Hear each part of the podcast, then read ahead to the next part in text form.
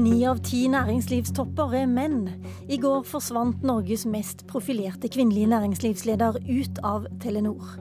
Hva er det med damer og norsk næringsliv? Vil de ikke, får de ikke, eller kan de ikke ta toppjobbene? Norge er et likestillingsland på de fleste andre områder enn i næringslivet.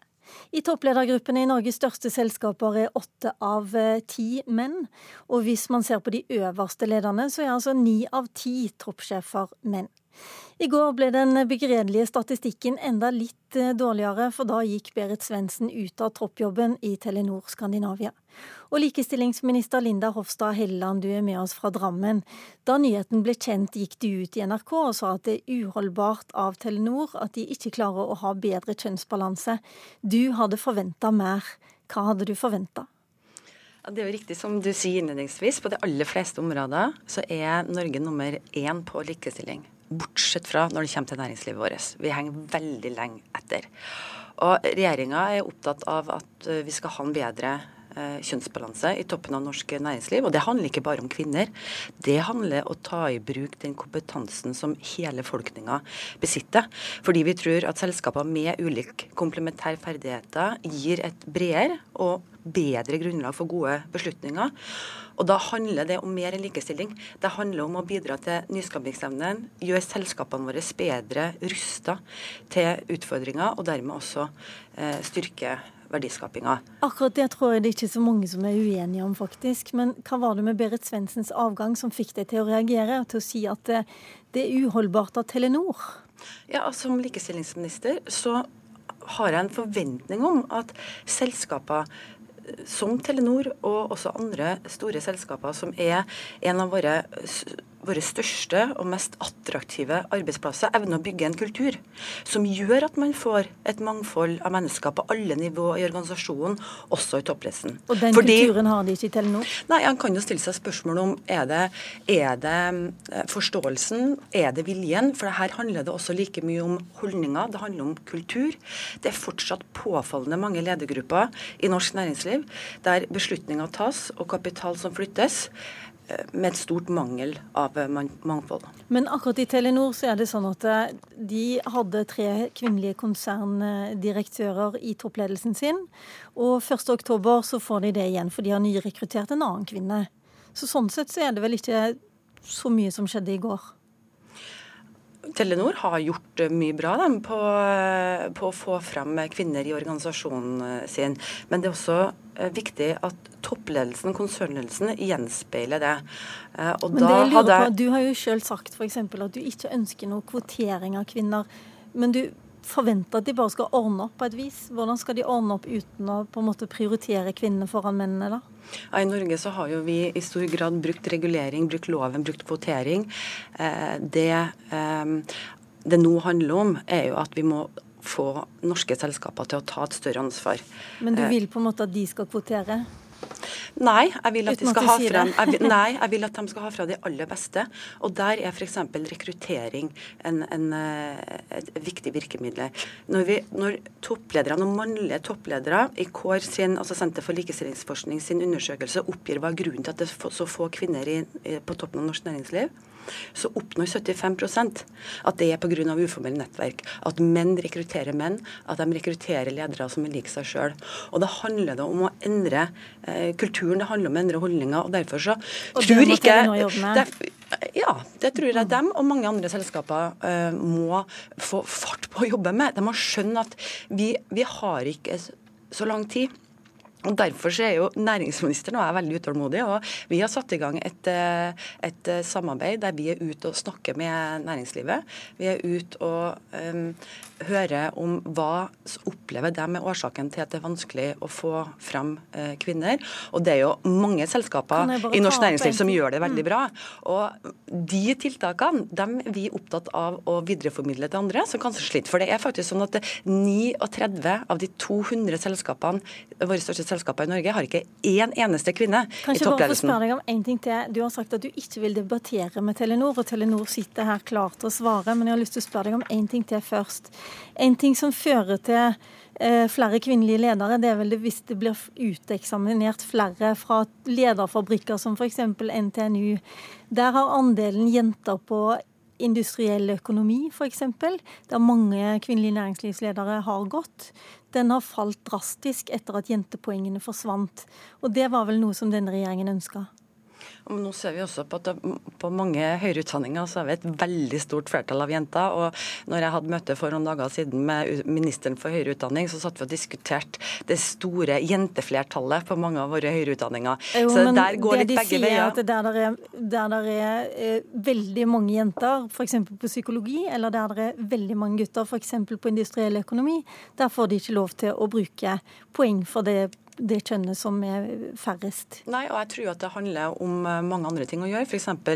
sånn som man gjør ved NTNU i Trondheim. Der har man etablert ADA-prosjektet, der man bevisst går inn og rekrutterer Ehm, der rekrutterer jenter eh, til de guttedominerte fagene, der man følger opp jenter med nettverk, med eh, mentorarbeid. Men og grunnen til at jeg spør er jo at jeg lurer på om dere fratar eh, både for så vidt bedrifter og universiteter virkemidler som du egentlig mener at de sjøl skal ordne opp i? Nei, men jeg tror at, jeg tror at um, det her handler like mye om en vilje til endring. Uh, og da jobber man systematisk gjennom hele organisasjonen sin for å skape en varig endring. For å sørge for at man når man rekrutterer, så har man begge eh, kjønn godt representert i rekrutteringsprosessen. Når man velger ut til lederutviklingsprogrammer, så kan toppledelsen kreve at det skal være begge, likt av begge kjønn med i prosessen. Okay. Nå, vi er bare nødt til å stoppe der, for jeg må gå over til Telenor. For det er jo for så vidt eh, gårsdagens store sak vi skal litt tilbake igjen til. Og jeg lurer jo på da hva eh, Telenor syns om å, om å, eh, få denne kritikken fra likestillingsministeren og næringsministeren. Vi har bedt eh, konsernsjef Sigve Brekke og styreleder Gunn Versted om å komme, men de kunne ikke ta seg tid. Det kunne heldigvis du, personaldirektør Cecilie Høek i Telenor. Hva tenker du om at likestillingsministeren sitter her og sier at dere har kanskje ikke god nok kultur, dette er uholdbart? Det var overraskende, for det står mye bedre til enn det høres ut som i Telenor når det gjelder kvinner i ledelse. Som du nevnte, så eh, har vi jo 33% i konsernledelsen er kvinner. Og vi må huske på at 37 av eh, de ansatte er kvinner. Så det speiler ikke dårlig den basen vi tar det ut fra. Men da Sigve, Sigve Brekke ble ansatt i 2015, så fikk Telenor kritikk fordi de ikke var kvinnelige kandidater som var med i sluttfasen på intervjurunden. Er dere kommet noe videre tre år senere? Nå forsvant ja. den ene kandidaten? Ja, vi har kommet uh, mye videre. og Jeg ønsker å si også at når det gjelder nivået under, så har vi arbeidet systematisk på senior ledernivå. 19% hadde vi i 2014 kvinner, og vi er nå på 27% Vi tok statistikk i går pga. dette intervjuet. 27% Og vi har hatt en målsetting over lengre tid. 30% kvinner på senior ledernivå i 2020. Men er det noen arbeider... flere konsernsjefkandidater?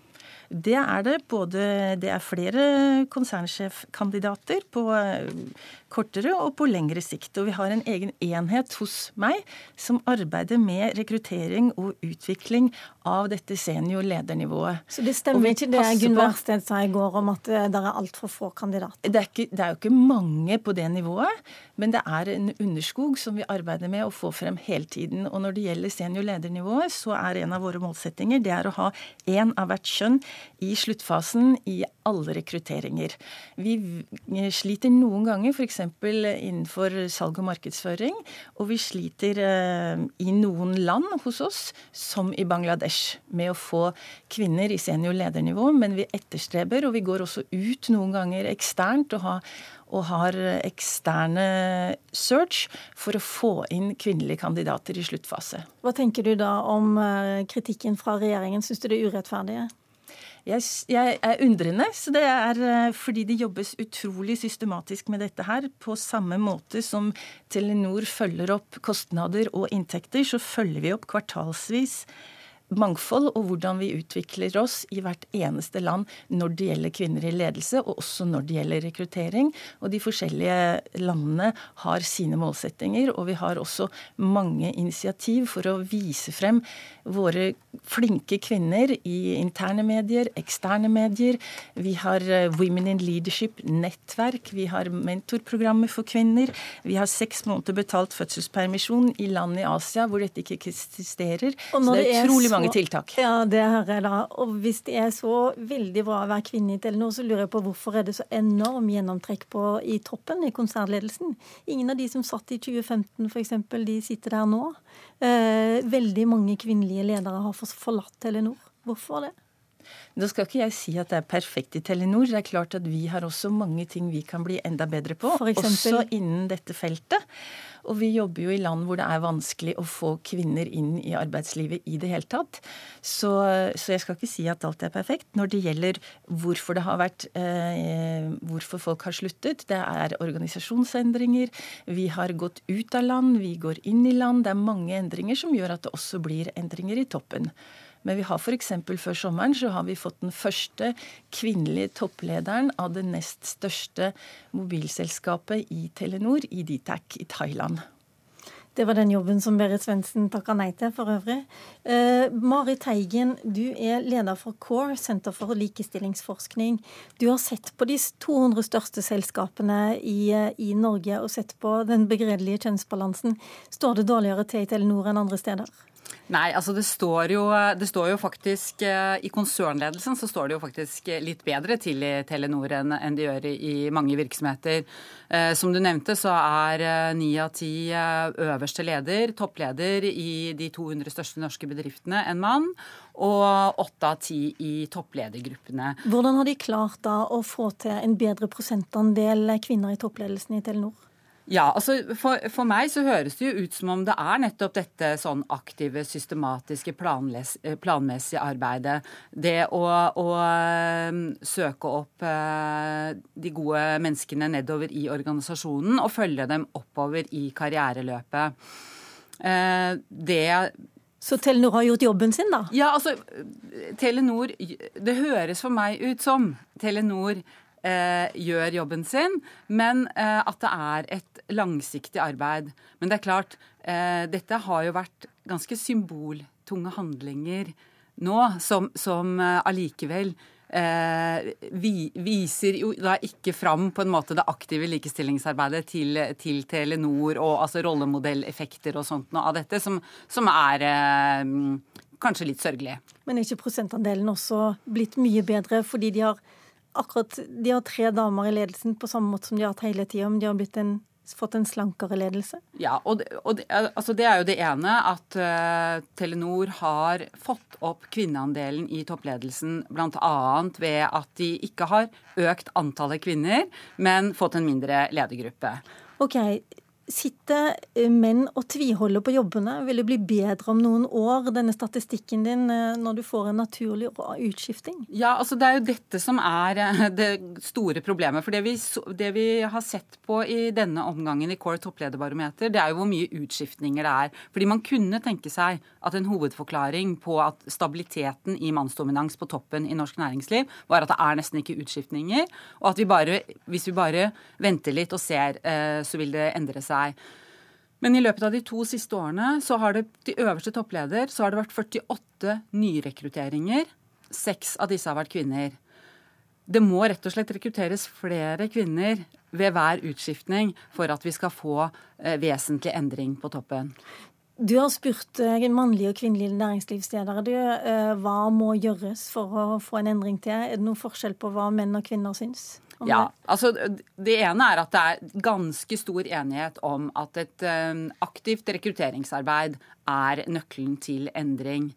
Men så er det noen spørsmål hvor det er ganske store kjønnsforskjeller. Hvor kvinnene er mye mer for tiltak enn det mennene er. Hvilke tiltak? Da? Nei, Det er kvoteringstiltak, det er fortrinnsrettstiltak. Det, det, det er, den typen eh, litt tøffere likestillingstiltak. Og så er det ett tiltak Eh, hvor, hvor, mennene er mer positive enn kvinnene, og det er lederkurs for kvinner.